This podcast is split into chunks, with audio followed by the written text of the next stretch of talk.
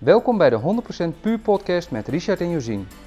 De plek waar jij wekelijks inspiratie, inzichten en praktische tips ontvangt over alles wat er komt kijken bij een ondernemend gezinsleven, waarin puur zijn een belangrijk ingrediënt is. Veel luisterplezier.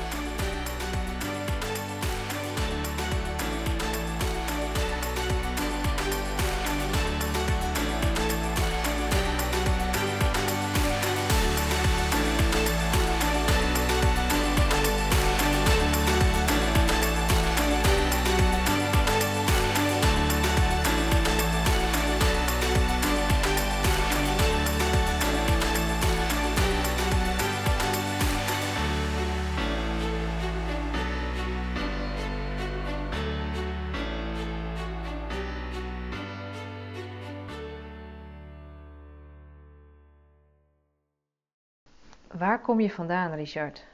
Vond jij een mooi onderwerp voor Ik- vandaag? Ja, ik vond het een mooi onderwerp. Eh, ook omdat jij bezig bent eigenlijk met het interview van je vader, toch?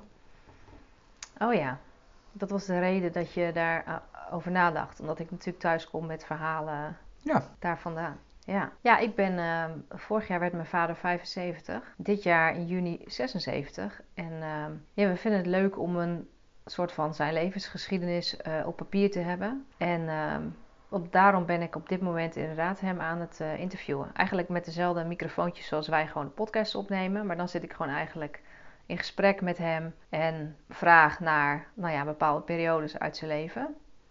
En dat is wel heel interessant, ja. Dus inderdaad, dan hoor ik wel een beetje meer waar hij vandaan komt. Dat weet je natuurlijk al voor een groot deel van je ouders. Tenminste, ik denk dat te weten van mijn ouders, maar weet jij dat ook? Nou, nou, wat moet ik zeggen? Dat het bij ons thuis dat het wel een beetje wazig was. Ik weet niet of ik de goede woorden gebruik, maar... Wazig. Ja, wazig. Mijn, mijn vader, eh, ik heb mijn opa leren kennen toen ik een jaar of twaalf was. Dus mijn vaders achtergrond wist ik eigenlijk nooit echt. De, de, de, de opa, dus de vader De van vader, je vader. van mijn vader, ja, die heb ik leren kennen toen ik een jaar of twaalf was. Ehm, daarvoor kwam die eigenlijk niet. Gedoe in de familie, zullen we maar zeggen. Ik wou het zeggen, hij was niet in je leven of je vroeg daar ook niet naar? Of hoe... eh, Nee, nee, ik, ik heb er ook nooit echt bewust ben ik er toen mee bezig geweest. Op een gegeven moment dan, ja, dan word je ouder en dan ga je wel vragen stellen. Eh, maar mijn opa en oma waren eigenlijk altijd de ouders van mijn moeder. En toen, eh, leer, dat lijkt me ook gek, als je dan met 12 jaar of zo zo'n oudere man voor het eerst ontmoet. Ja, ja, dat was ook wel apart. Maar aan de andere kant, ja, het was wat was. Hoe kwam het dan dat je hem ontmoette toen? Ja, ik heb dat niet helemaal meegekregen, maar kennelijk is er in de vro- vroegere jaren wat gedoe geweest tussen mijn vader en zijn vader. En eh, die hebben contact gezocht. Nou, en op een gegeven moment kwam mijn opa weer. Dus toen jouw eigen vader zeg maar weer contact met zijn vader had, zodoende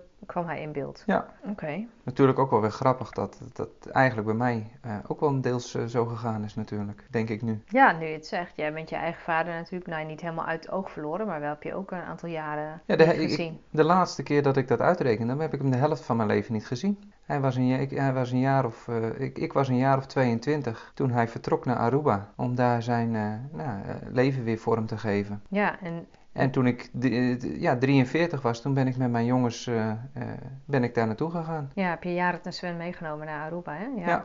Dat wilde Jared graag. Ook voor zijn twaalfde toevallig. Ja, rond de twaalfde verjaardag mogen ze bij ons natuurlijk kiezen van eh, met welke ouder aan het eind van je basisschoolperiode dat je een soort van eh, tripje gaat doen. Nou, door de hele situatie in de wereld eh, lukte dat toen niet, toen Jared die leeftijd bereikte. Maar inderdaad, daarna heb je dat dus, en toen met allebei dan samen gedaan. Ja. Een bijzondere reis, hè? Ja, zeker. In alle opzichten. Ja. Nou, en als je dan, hè, om op je eerdere vraag terug te komen, hoe was dat dan, dat je opa in één keer in je leven komt? Als ik dat dan zie naar die twee jongens, we, we deden daar landen op het vliegveld en ik heb ze helemaal niet geïnstrueerd, maar vanaf het eerste moment was het opa en oma. Wat grappig, terwijl ze die mensen eigenlijk helemaal niet kenden, dus Nee, dus het was eigenlijk vanaf moment één was het oké. heel natuurlijk. Dus kennelijk is daar ook een bepaald gevoel. Nou, en misschien was dat gevoel eh, ook wel eh, ja, genoeg toen voor mij. Ja. Dat was gewoon mijn opa. Punt. En die man is ook best oud geworden volgens mij, want wij hebben een eh, wasmachine, weet ik nog, onze bruine Miele.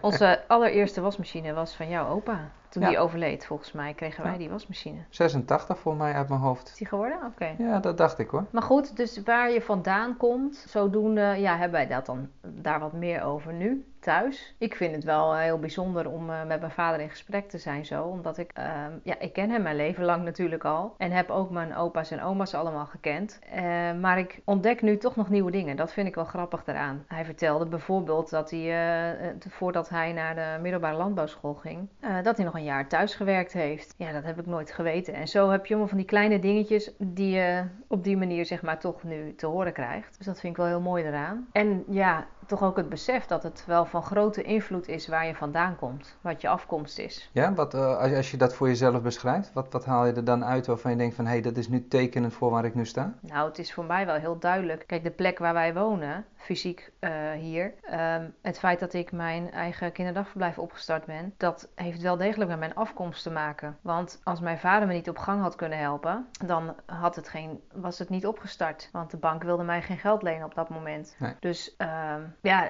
afkomst in die zin. Nou ja, je, dat is dat spreekwoord hè, van, uh, hoe is het, wie voor een dubbeltje geboren wordt, er wordt nooit een kwartje, wat zeggen ze dan? Ja, ja, daar, ja. Daar, daar ben ik het niet mee eens trouwens hoor, maar nee. in die zin bedoel ik van, heeft jouw afkomst, kan je wel degelijk uh, op gang helpen. En dat ontdekte ik ook, mijn vaders geschiedenis dan, als je hoort hoe zijn vader hier naar de Noordoostpolder gekomen is. Die heeft ook een kruiwagen gehad om hier te komen. Um, en zijn opa, dus mijn vaders opa, dus mijn overgrootopa, ja, die had uh, ook vier boerderijen uh, niet in deze polder, maar in een andere polder. Dus van, zodat al zijn kinderen uh, konden boeren. Dus we kwamen wel een beetje tot de conclusie in die gesprekken dat, dat dingen die mijn vader gedaan heeft in zijn leven, dat hij zegt, ja, misschien heb ik dat, dat toch niet van een vreemde. Dus dat je misschien ook wel onbewust bepaalde keuzes maakt in je leven, of denkt dat bewust te doen. Maar dat dat ook gewoon een stuk in zit vanuit je, de familie waarin je opgegroeid bent. Dit zie je en uh, zien is doen, om het zo maar te zeggen. Ja. Ja, ja. ja weet je, het is een beetje cultuur dan.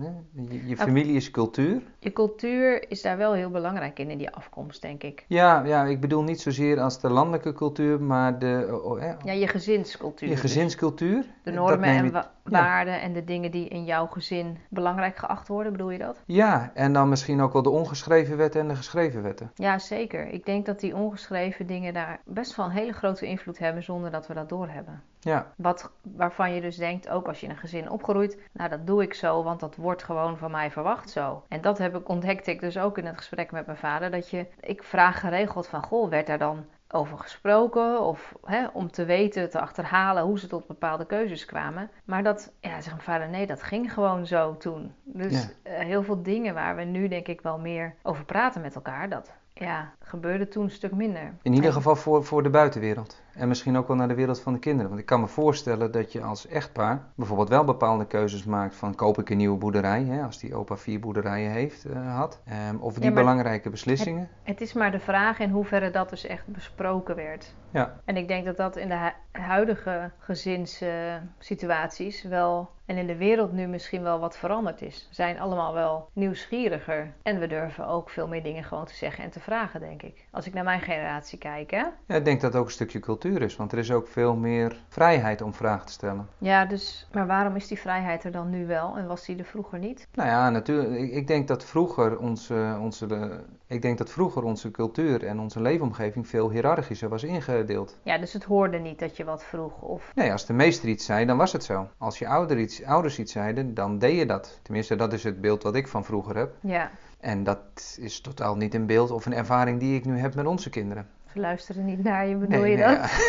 Ja. Nee, maar nou ja, onze kinderen ook. Ja. En ik denk dat wij dat zelf, ik herken dat wel bij mezelf, in een veel hogere mate de behoefte hebben om te weten waarom iets dan moet gebeuren. Ja. dat, dat zei mijn vader ook letterlijk van, nou, ik, heb, ik vraag me nooit zo af van waarom iets dan is zoals het is. Of waarom. Hè, in zijn leven, hij kan er nu op terugkijken op een groot deel van zijn leven. Ja, hij zegt, ik heb mezelf die vraag niet echt afgesteld waarom bepaalde dingen gebeurd zijn in mijn leven. Maar wel, dat je dus daar weer, je moet weer verder. En dat is natuurlijk ook een feit. Ja. Alleen de jeugd de jeugd van tegenwoordig klinkt zo gechargeerd, maar ja, die willen toch wel weten van ja, maar waarom moet ik dan dit leren? Of hoezo vertelt de meester dit of dat op school? Nou, wat dat betreft en kan klopt ik me dat nog, wel? Ja. ja. Kan ik me nog omrekenen onder de jeugd van tegenwoordig?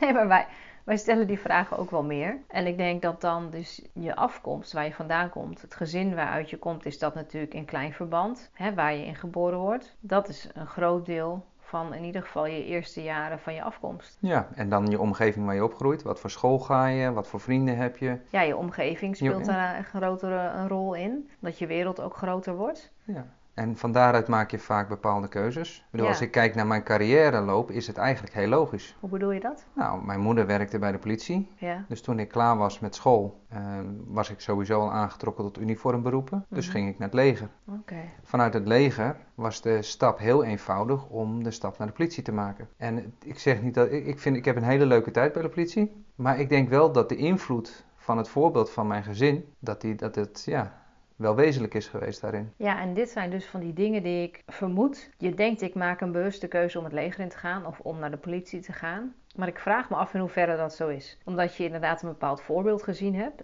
In, geval, jouw geval dan je moeder die bij de politie werkt. Ehm, en of, je dat, of dat toch ook niet voor een groot deel dan een onbewuste keuze is die je maakt. Ja, ik denk dat, dat zo'n keuze best wel grotendeels onbewust is. Ja. Of in ieder geval dat je niet bewust bent van bepaalde factoren die ook een rol spelen. Maar ja, waaronder dus die, dat voorbeeld wat je ziet. Ja. Nou, ik hoorde laatst hoorde ik iemand zeggen die zei van keuzes maak je met je hart Mhm. en daarna verklaar je ze met je verstand. Ja, ik denk dat dat klopt. Dus wat is dan uiteindelijk een bewuste keuze? Ja, ik denk dat we daar heel erg vaak de plank misslaan en denken en zeggen dat we van alles bewust kiezen. Terwijl uiteindelijk je onderbuik eh, voor een groot deel bepaalt eh, je onderbuikgevoel. Hè? Ja, en laten we eerlijk zijn, 9 van de 10 keer heeft je onderbuikgevoel het ook wel bij het rechte eind. Ja, ja, klopt. Ja, zeker. Al zal dat ook weer van persoon tot persoon verschillen. Maar dat is voor mij een gouden regel. Als ik niet weet wat ik moet doen, als ik ergens moeilijk voor een keuze sta, dan eh, is het inderdaad even terugkeren naar mezelf, de stilte opzoeken en luisteren naar mijn gevoel. Ja. Wat, is, wat is goed om te doen hierin, in deze situatie?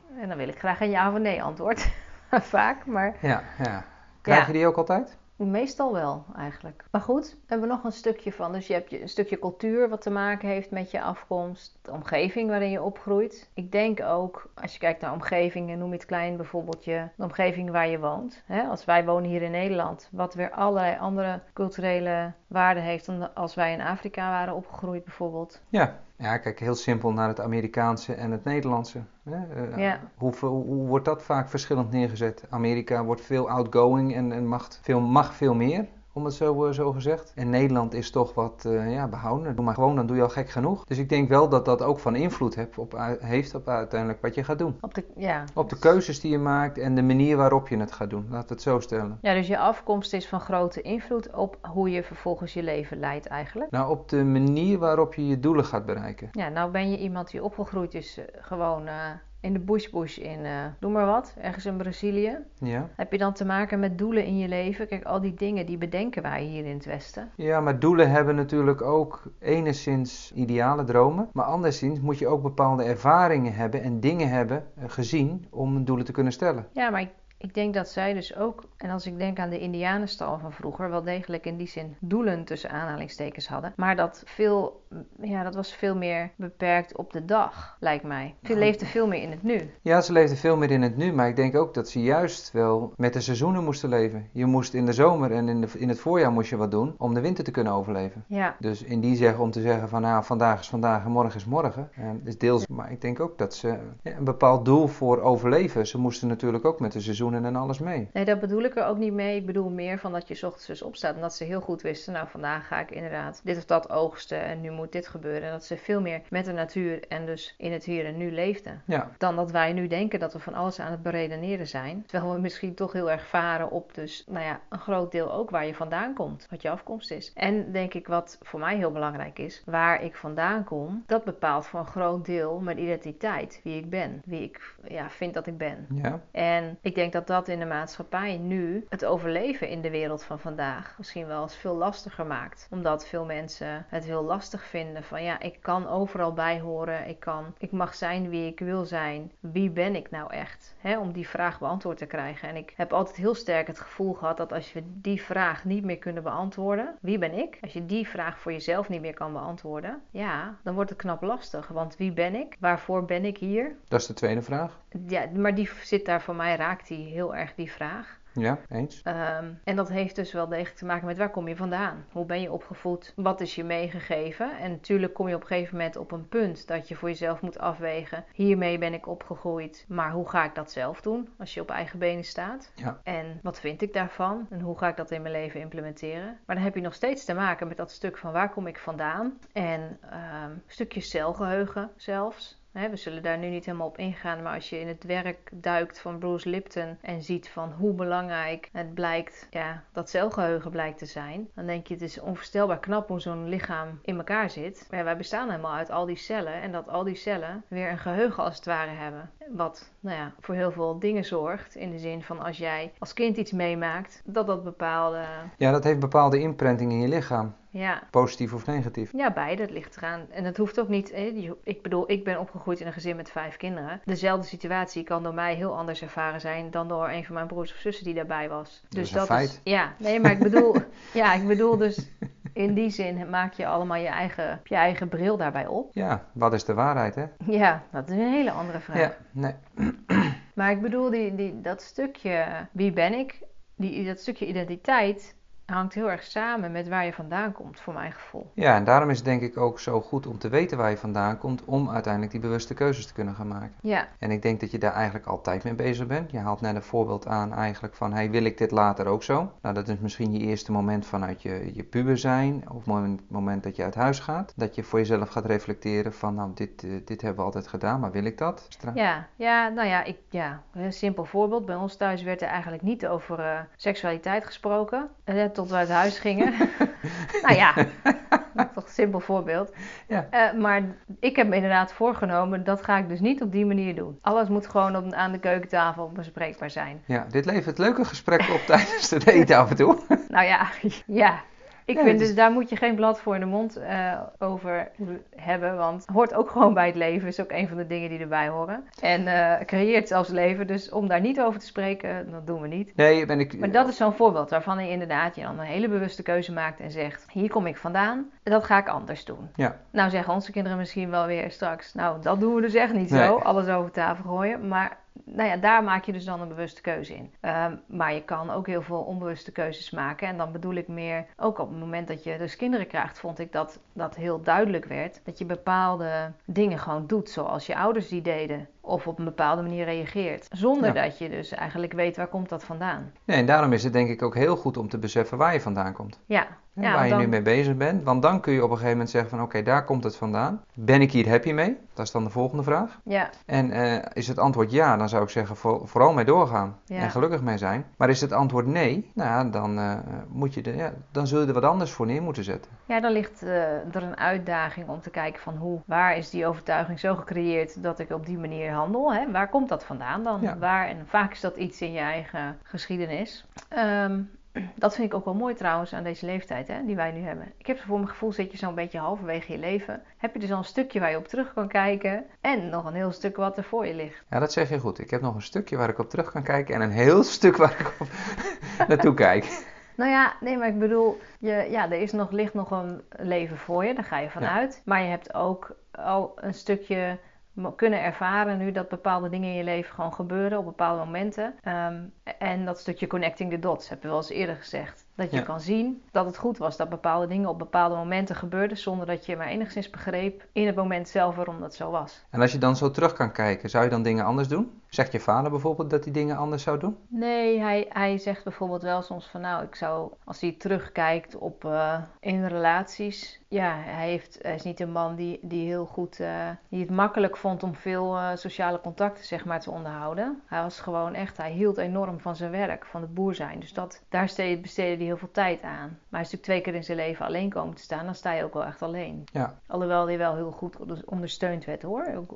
met het overlijden van zijn eerste vrouw. Ja, nog vrienden en, en familie. Ehm, maar ja, spijt. Ja, vind ik altijd een groot woord. Want ik denk altijd maar, je, je doet dingen in je leven, doen wij nu ook. Die waar we over tien jaar misschien van zeggen, was dat nou wel zo verstandig? Hadden we het niet anders moeten doen? Eh, Wij zien dat nu heel duidelijk. Bijvoorbeeld, we hebben Jared en Sven, 16 en bijna 13. En je hebt Sterre en Jesse, Ja. 3 en eh 0. 3 en 0. En als wij alleen al zien wat voor verschil in de eerste jaren van het ouderschap met die oudste twee en nu met die jongste twee, ja, dan doe je echt dingen anders. Maar hebben we er dan spijt van hoe we dingen gedaan hebben met die oudste twee? Nee, want je deed dat toen ook gewoon met de kennis die je toen had en naar best te kunnen. Ja, en ik denk ook dat alle ervaringen bij elkaar, die, creëer je, eh, die creëren de persoon die je nu bent. Ja, en dat, is wel, dat bedoel ik met een beetje dat idee. Connecting the dots. Ja, dat je dat nu gaat zien. Ehm, en dat geeft ook een heel groot stuk vertrouwen, vind ik. Dat waar je ook vandaan komt, wat je achtergrond ook is, dat je dus altijd wel de mogelijkheden hebt, zolang je die zoekt hè, en daar ook bereid voor bent om voor te werken. Want dat is iets, vind ik, wat in de huidige maatschappij nog wel eens. Uh...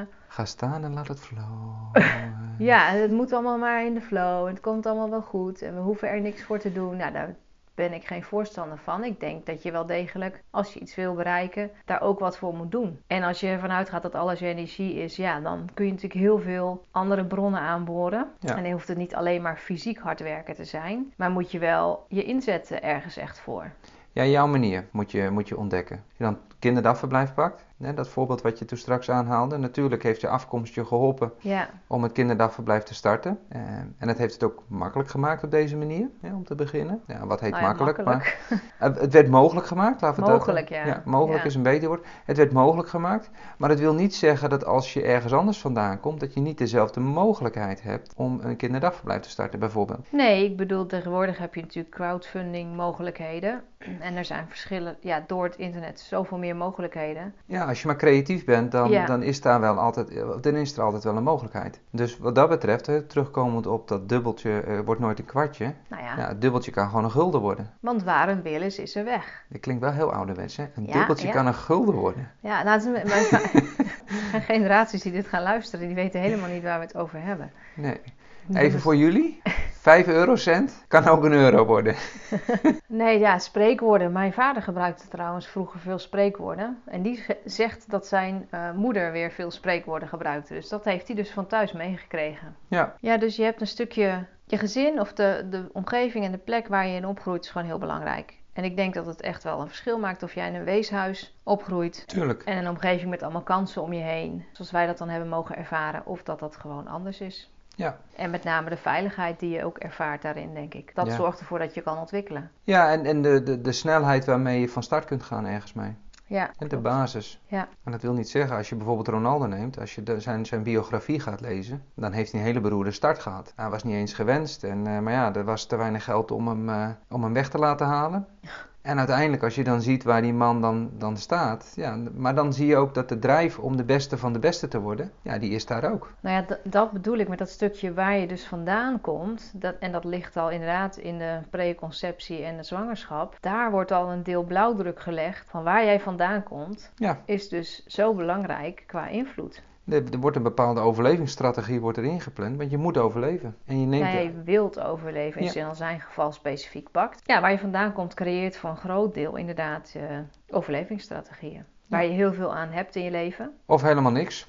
nou ja, nee. niks. Nee, overlevingsstrategieën die op een gegeven moment ergens gebracht hebben. Maar als je daar te lang aan vasthoudt, dan, dan gaat het, gaan ze je tegenstaan. Ja, en dat denk ik sowieso. En ik denk ook dat dat iets is wat we ervaren nu in de wereld. Dat veel mensen tegen bepaalde dingen aanlopen die soms niet eens van hunzelf zijn. Snap je wat ik bedoel? Uh, ja, ja, ja. Dus van generaties terug. Dus ja. omdat generaties geleden dingen al op een bepaalde manier gedaan werden. Omdat bepaalde voorouders issues misschien niet hebben uitgeleefd of opgelost. Uh, ja, en als je dan dat celgeheugen daarbij neemt, dan betekent dat, ja, dan ligt daar een schone taak voor jou of onze kinderen of wie dan ook. ergens in die generationele lijn komt iemand die dat moet oplossen. Zo Ja. zie ik dat dan. Ja, en ik zie het ook wel zo. Kijk, alles wat er gebeurt is dat met een reden gebeurt. Maar juist door het niet te beseffen waar je vandaan komt en dus niet meer de reden te kennen waarom iets gebeurd is, Ja. ehm, wordt het aangenomen dat iets zo hoort en wordt het niet meer in perspectief geplaatst. Ja, dat vind ik dus ook wel mooi aan het stukje mijn vader vertelt. Dat hij dus later in zijn leven met genealogie bezig is gegaan. Dus zijn voorouders ehm, gaan uitzoeken. Van, in die zin heel letterlijk, waar kom ik vandaan? Ehm, en ik denk dat dat een groot besef geeft van waar je, waarom je dus dingen beleeft zoals je ze beleeft. Op een bepaalde manier ergens tegenaan kijkt. Ik vind daarin dus genealogie en ook bijvoorbeeld familieopstellingen best wel belangrijke tools die we nu allemaal hebben. En waar Ja. mensen vroeger geen beschikking over hadden. Grotendeels niet wisten dat dat bestond. Dat dat ook zo kon. Ja. Al ging er denk ik veel meer over via verhalen. Hè? Werd er wel overgave gedaan van familieverhalen. Dus dat is natuurlijk nu veel minder. Ja, daarom is het denk ik ook zo mooi van hetgeen wat je nu doet om je vader te documenteren. Ja, ik vind het wel bijzonder. Ik vind dat hij wel een bijzonder leven heeft gehad. Dus ik vind het wel leuk. Wat dat betreft zouden we gewoon daar alleen al van een hele podcastserie moeten maken. Want het is inderdaad heel Ja. interessant wat, eh, wat hij beleefd heeft. Nou ja, maar je leert dus door te weten waar je vandaan komt, wie jouw voorouders waren, merk ik, leer je weer meer over jezelf. Snap je? Ja, ja ik, moet, ik moet wel denken aan een verhaal dat we eh, meekregen op de politieschool. En dat ging over de apen. Ken je dat verhaal? Mm, Nee, vertel. Nee, ze hadden, er was een groep apen en dan boven eh, in een kooi en dan boven in een kooi op een, een rots of een trap, daar lagen bananen. En eh, in die eerste groep apen, die wilden natuurlijk naar die bananen. Maar iedere keer als er eentje op die rots stond, dan werd de brandslang op die apen gezet. Huh. Dus op een gegeven moment ging niemand van die apen, die ging meer naar boven. Want eh, iedere keer als er eentje naar boven gaat, werden ze nat gespoten. Dus ze gingen elkaar corrigeren. Dat mag niet meer. Ja? Vervolgens werd het één voor één, werden die oude apen werden weggehaald en er werden nieuwe teruggeplaatst. Ja. En die oude apen die corrigeerden de nieuwe. Maar het werd dus een cultuur, want toen alle oude apen weg waren, waren die, die apen die nieuw waren, die gingen elkaar ook corrigeren. Dus niemand ging naar die banaan toe. Nie- maar maar er er werd niemand meer nat gespoten. Dus, waar dat, dus die Ja. overgeving, die werd Ja. doorgegeven, terwijl niemand meer wist Waarom je die rots niet opging om die banaan te pakken. Maar ze wisten alleen, daar mag je niet komen. Daar mag je niet er iets komen. slechts. Ja, en ik denk dat dat wel de kern is van eh, nou ja, hoe wij daar ook leven natuurlijk. Ja, dat je dus allemaal dingen wel meekrijgt. Maar en dat, ja, ik denk toch wel echt in een generatie of in een tijd leven nu. Dat wel heel veel dingen, alles wordt, zeg je dat? Alles staat open voor discussie. Alles kan gevraagd worden. En daardoor krijg je zo'n veel groter besef van je afkomst. Van waar kom je vandaan? En dat helpt je dus heel erg in het nu, volgens mij. Ja, dat helpt je in het nu door bewuste keuzes te gaan maken. En dan worden het bewustere keuzes. Want dan kan je zeggen, oké, dat is dus toen verteld. Nou, in dit geval aan die apen bijvoorbeeld, om dat Ja. voorbeeld eventjes vast te houden. Maar ik wil graag weten of dat nu nog steeds zo is. Dus ga proberen die banaan te pakken. Ja, Dus je afkomst geeft je inzicht en met inzicht kun je betere keuzes maken. ja, ik denk het wel eigenlijk. Tegelijkertijd is het natuurlijk zo dat de familiesystemen nu wel heel erg veranderd zijn ten opzichte van eh, nou ja, 20, 30 jaar geleden. Wij hebben dan nog een redelijk traditioneel gezin, maar dat is natuurlijk ook wel eh, behoorlijk eh, Dat is heel anders, ja. licht onder vuur. Ehm, dus dat maakt het misschien ook wel weer lastiger. Om als je dan gaat kijken van naar een aantal, als we nu generaties verder zijn, hoe kinderen dan weer hun afkomst ervaren. Ja, en eh, hopelijk is er zo over gesproken en vastgelegd dat ze ook de eh, reden van de keuzes kunnen be- ja, benoemen. Dat ze daar dus ook zelf bewuste keuzes in kunnen maken. Ja, interessant dat ze moeten afwachten. Ja, hopelijk gaan we het meemaken. Ik denk het wel. Nee, het zorgt natuurlijk voor veel onrust in de wereld. Omdat we, we hebben wel eens eerder gehad over gelijkwaardigheid en eh, Gelijkheid. gelijkheid. Maar ja, daar wordt natuurlijk van alles aan opgehangen. En ik denk altijd maar zo het gezin waar je in opgroeit, of de plek waar je in opgroeit, of de gemeenschap. Het is een kleine, een kleine gemeenschap aan zich natuurlijk. Daar Ja. moet je je kleine dingen leren. Hoe je omgaat met elkaar. En dat uitvergroot is dat natuurlijk gewoon de wereld. Ja, en in die eerste situatie leer je dus eh, jongs, dus dat is het meest wat ingeprent wordt. Dat is vaak ook hetgeen, denk ik, wat je op automatisch piloot doet. En daarna worden je sociaal gewenste manieren op een gegeven moment geleerd, hè, op school. Ja. Ook wel deels ingeprent, maar hoe ouder je wordt, hoe bewuster de imprenting, denk ik, is. Ja, nou ja, als mens wil je allemaal overleven. En op het moment dat jij ontdekt op school of in wat voor setting dan ook, of dat sportclub, of als je met andere mensen om je heen bent, of kinderen, en jij ontdekt, nou maar als ik me zo gedraag, dan val ik niet op. Of dan Word ik Krijg- geaccepteerd? word ik geaccepteerd, of krijg ik eh, voor elkaar wat ik graag voor elkaar wil krijgen. Hè? Dat zie je bij jonge kinderen al. Ja, dan vindt het al plaats dat je dat gewenste gedrag gaat leren vertonen. Wat ook op sommige momenten natuurlijk helemaal niet verkeerd is. Hè? We kunnen wel zeggen van, nou ja, dat moet je helemaal niet doen, maar dat is, wordt het lastig, een samenleving. Lekker jezelf zijn, alles doen je zelf zin in. Ja, nou ja, ja, dat is natuurlijk wel eh, een kreet die je soms voorbij komt, maar dan kun je geen samenleving hebben met elkaar. Nee, en gewenst gedrag hoeft nog geen masker te zijn. Nee, inderdaad. Nee, en je, ik denk juist een samenleving creëren is heel belangrijk, want je als mens hebt allemaal die behoefte aan verbinding eigenlijk. Dan kun je net zo goed allemaal alleen op de wereld gaan zijn. Dat, dat eh, is af en toe wel eens lekker, maar niet altijd. Nee, dus het stukje waar kom ik vandaan? Ja, ik denk dat ik toch eh, eigenlijk iedereen wel zou hoop te inspireren van ga dat bij jezelf eens na. Wat Ja. weet je eigenlijk van je vader, van je moeder? Mijn vader zegt bijvoorbeeld in die gesprekken van ja, eigenlijk kende ik mijn moeder niet zo goed. En dan denk ik, oh jammer, want ik had wel graag meer willen weten van mijn oma nu. Dat is ook een interessante vrouw, hè? Ja, maar, maar weet je, dat, ik kan niet meer vragen. Hij ook Nee. niet. En hij, dus dat is wel iets van, wil je bepaalde dingen weten over je eigen afkomst? Ja, vraag het gewoon. Want daar is de tijd naar, dat kan nu. Ja, en vraag zolang het nog kan. Ja, want dat weet je natuurlijk nooit wanneer die mensen om je heen eh, wegvallen. En waar, dan is die kennis natuurlijk ook verloren in dat opzicht. Tenzij het hele goede dagboekschrijvers waren, dat weet ik niet. En dan weet je nog niet wat ze opschreven. Maar Nee, dan moet ik Ja. onze kinderen teleurstellen, want ik moet nog beginnen met mijn dagboeken. Ja. nou ja, goed, de ene is een schrijver, de ander niet. Maar ik denk dat je daar wel, dat dat heel interessant kan zijn. Gewoon voor je eigen leven om te weten van, hé, hey, waar kom ik vandaan? Ja, en hoe helpt het me om daarheen te gaan waar ik naartoe wil? Ja, want dat klopt. Het is heel belangrijk in bepaalde dingen willen bereiken of kunnen bereiken in je leven. Ook kunnen bereiken, hè? Want er kunnen ook bepaalde dingen tegenzitten. Dat je in je ontdekt, in mijn familielijn zit dit of dat. En dat, dat moet eerst opgelost worden, wil ik kunnen bereiken wat ik eh, graag wil bereiken. Ja, dan Ja. is dat een obstakel. Ja, ja al met al ehm, denk ik wel eh, ja, in mijn leven altijd een belangrijke vraag geweest. En ik vind het heel fijn dat ik gewoon daar een soort van zeker gevoel in heb. Dat het je identiteit, van wie ben ik, een vrouw. Nou, in mijn geval zie ik dat ook als een, een goddelijk wezen. Een dochter van eh, hemelse ouders. Weet je wat, die, dat geeft me een heel erg prettig, veilig gevoel. Van daar kom ik vandaan. En ehm, de potentie die dat, dat ook in het leven zeg maar geeft. Namelijk zelf goddelijke potentie. Ja, wij zijn allemaal, zo kijk ik er tegenaan, de hele mensheid, goddelijke, hebben allemaal goddelijke potentie. Ik bedoel, als mens, als je kijkt wat voor wonder het is dat je ontstaat, een heel mens wordt. We zien dat nu ook weer van dichtbij met sterren. Dat je van een paar cellen, zo'n heel mensje, en dan voor je het weet is het volwassen. En ja, Ja, en eerst nog drie jaar in de vriezer. ja bij sterren, ja, dat is nog een aparte aflevering. Maar dat is toch wonder. Dan hebben we toch allemaal zo gigantisch veel potentie. Ja, zo, zo gigantisch veel te brengen. Ja, ja. En ik denk dat dat gewoon eh, is wat de wereld ook nodig heeft nu. Ja. Dat mensen hun potentie leven. Ja, en als je dan kijkt naar de wereld, dan, dan doen we natuurlijk onze afkomst doen we helemaal verlogenen. Ja, dat is wel interessant aan wat er gebeurt. De geschiedenis wordt herschreven. Ja. Nou is de geschiedenis natuurlijk zoals wij die in geschiedenisboeken op school kregen ook. Dat is ook dus maar vanuit dat perspectief. Hè. Ik bedoel, Is- heel veel klopt daar niet van. Is ook het perspectief van de overwinnaar.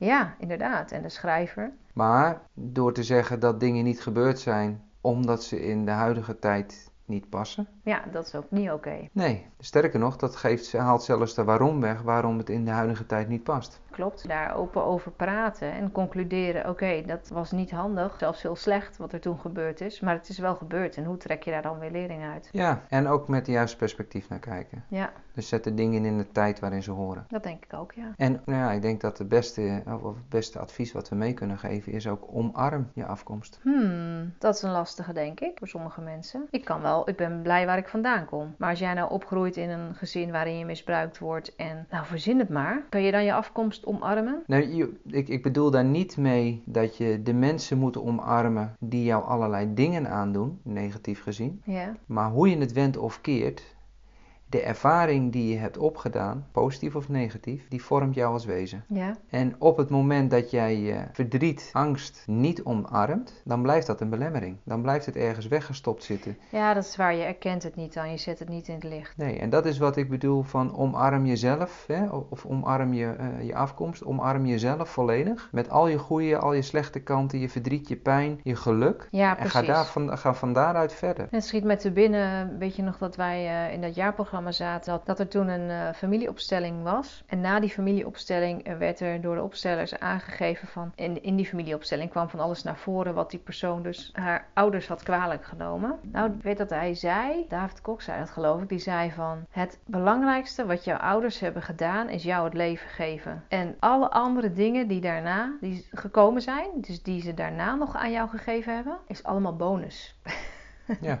Oftewel, ze hebben jou het leven geschonken, wees daar dankbaar voor. En alles wat daarna gebeurt, goed of slecht, nou als dat allemaal goede dingen zijn, is bonus. Maar ja, eh, En als je de slechte dingen om kan zetten in goede dingen, dat het je kracht of energie geeft, is dat ook bonus. ja, en maar dus ook het perspectief van ja, je, de dingen die er daarna gebeurd zijn, die misschien minder eh, goed waren en minder fijn, daar hoef je niet aan vast te houden je leven lang en onder gebukt te gaan. Want ze hebben jou het leven gegeven. En het is jouw leven. Inderdaad, het stukje, jij kan er dan zelf weer van maken wat je wil. Ja, en dat Als je, besef. ja, als je dus die afkomst wel erkent, wat jij zei. Ja, en dat is echt wat ik bedoel met omarm je afkomst. Ja, misschien wel een mooi om mee af te sluiten. Lijkt mij ook. Weten waar je vandaan komt, in gesprek gaan misschien met mensen die daar meer over weten, zodat je de kennis wel hebt om dingen te kunnen plaatsen, maar het ook tegelijkertijd omarmen. Begrijpen, omarmen en dan ook bewuste keuzes maken waar je verder wel mee eh, door wil gaan. Ja, En ook waar je vooral mee wil stoppen. En zo weer de regie in je eigen leven te nemen.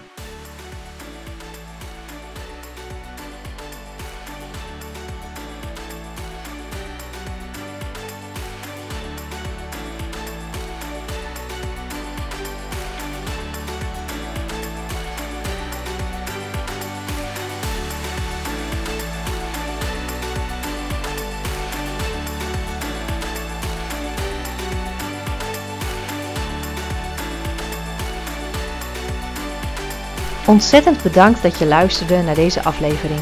Ben je enthousiast geworden over deze podcast? Dan zouden we het heel erg waarderen als je een review achterlaat via de podcast-app waarmee jij luistert. Ook kan je je abonneren op onze podcast, zodat je telkens wanneer er een nieuwe aflevering online staat direct op de hoogte bent. Heb je tijdens het luisteren naar de podcast gedacht aan iemand die ook wel een portie puur kan gebruiken? Je kunt de podcast dan delen via social media of gewoon de link kopiëren en doorsturen naar diegene. Misschien ben je zover dat je zelf graag actie wilt ondernemen voor een 100% puur leven.